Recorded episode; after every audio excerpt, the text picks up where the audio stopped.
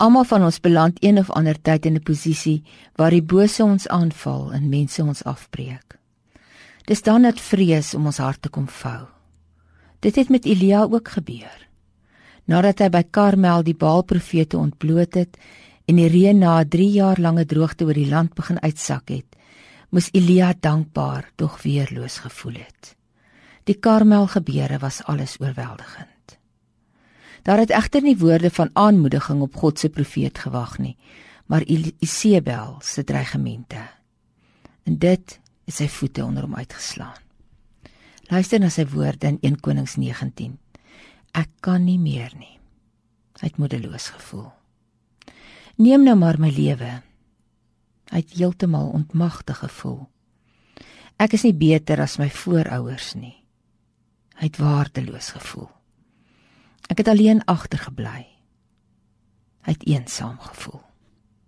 Mens het eintlik so min nodig om weer voluit te kan lewe. Jy het net een aanraking van die Almagtige se gestuurde nodig. Elia moes eers 'n bietjie slaap en toe hy wakker word, was daar 'n engel met iets te eet en vars water.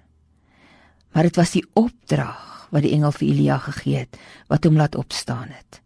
Hy moes 'n 40 dae lank stap tot by Horeb. Daar sou 'n baie spesiale gebeure op hom wag. God sou aan hom verskyn. God het 'n opdrag vir Elia gehad en 'n baie duidelike versekering. Elia was nie alleen nie.